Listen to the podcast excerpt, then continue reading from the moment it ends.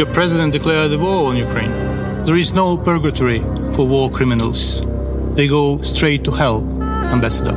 The Governing Council will stay the course in raising interest rates. As turbulent as 2022 began, it would continue to be hectic for the following 12 months.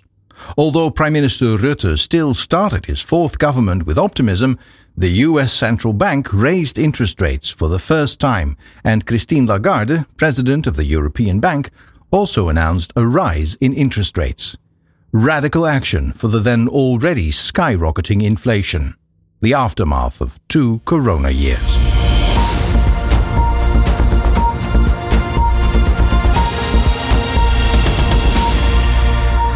This is Martijn Warners, and I welcome you to this podcast about Shell Pensions SNPS Annual Report 2022. В багатьох містах України було чутно вибух. Ми вводимо воєнний стан на всій території нашої держави.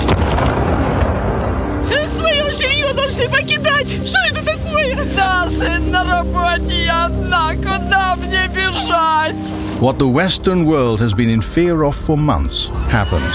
Russia invades Ukraine. Millions of people flee. In response to the economic sanctions declared against Russia, the country turns off Europe's gas supply, which brought the war to our living rooms. Energy bills are blown sky high as gas prices hit record after record, and the global economy heads for the worst inflation in 40 years. It's not only energy bills which can be 10 times higher than normal. Food and other products also see rising prices. In October, the consumer price index in the Netherlands was up by 12%. For the year as a whole, inflation in the Eurozone reached 9%, and in the United States, close to 7%. All this while, at the beginning of 2022, central bankers at the US Fed still thought that this high inflation was transient, the logical consequence of a recovering global economy after two tough corona years. Wishful thinking. For investors, such as the Shell Pension Fund SNPS, the effects of rapidly rising inflation and interest rates were far reaching. Stock and bond markets worldwide were to suffer considerable losses over 2022.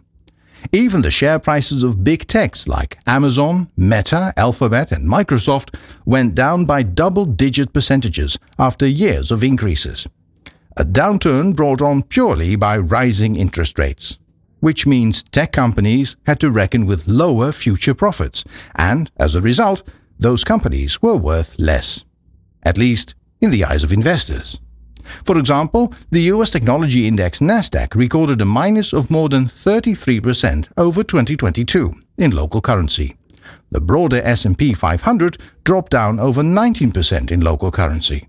With that said, the AEX's loss, just under 14%, was not too bad. There was also a continued negative effect caused by the increased value of the dollar. Partly, this growth in value can be explained by the sharp rise in US interest rates, and partly by a Pavlovian reaction in economically turbulent times. The dollar is then seen as a safe haven.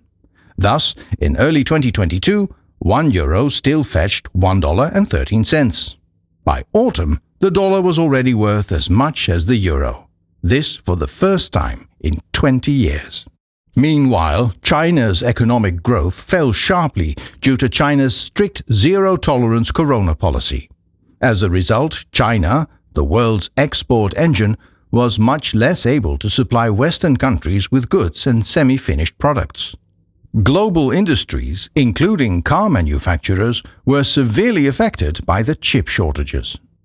Still, the historic rises in interest rates by central banks, the ECB raised its rates to 2.5%, turned out to be negative for financial markets, mainly for the first nine months of the year.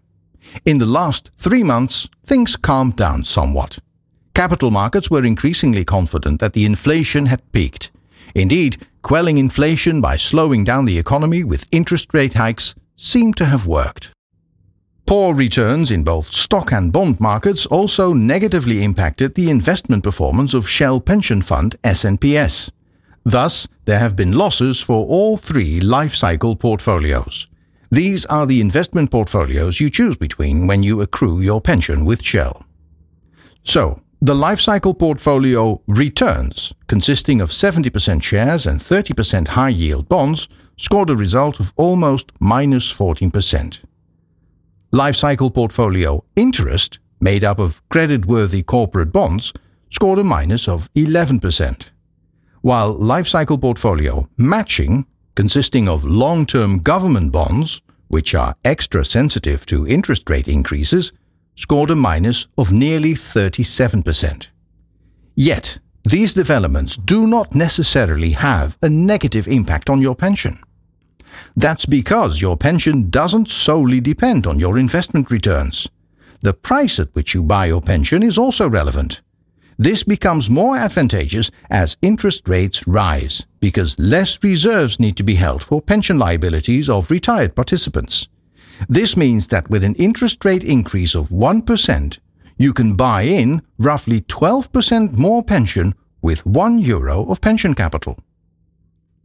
Another good thing is that the collective variable pension, the investment portfolio in which you continue to invest after your retirement, does not only depend on the investment results of one year, but is spread out over a period of five years. As a result, even after such an extremely turbulent investment year as 2022, you won't have to deal with a pension reduction. In fact, due to the positive results in earlier years, a small plus in pension benefits can be expected.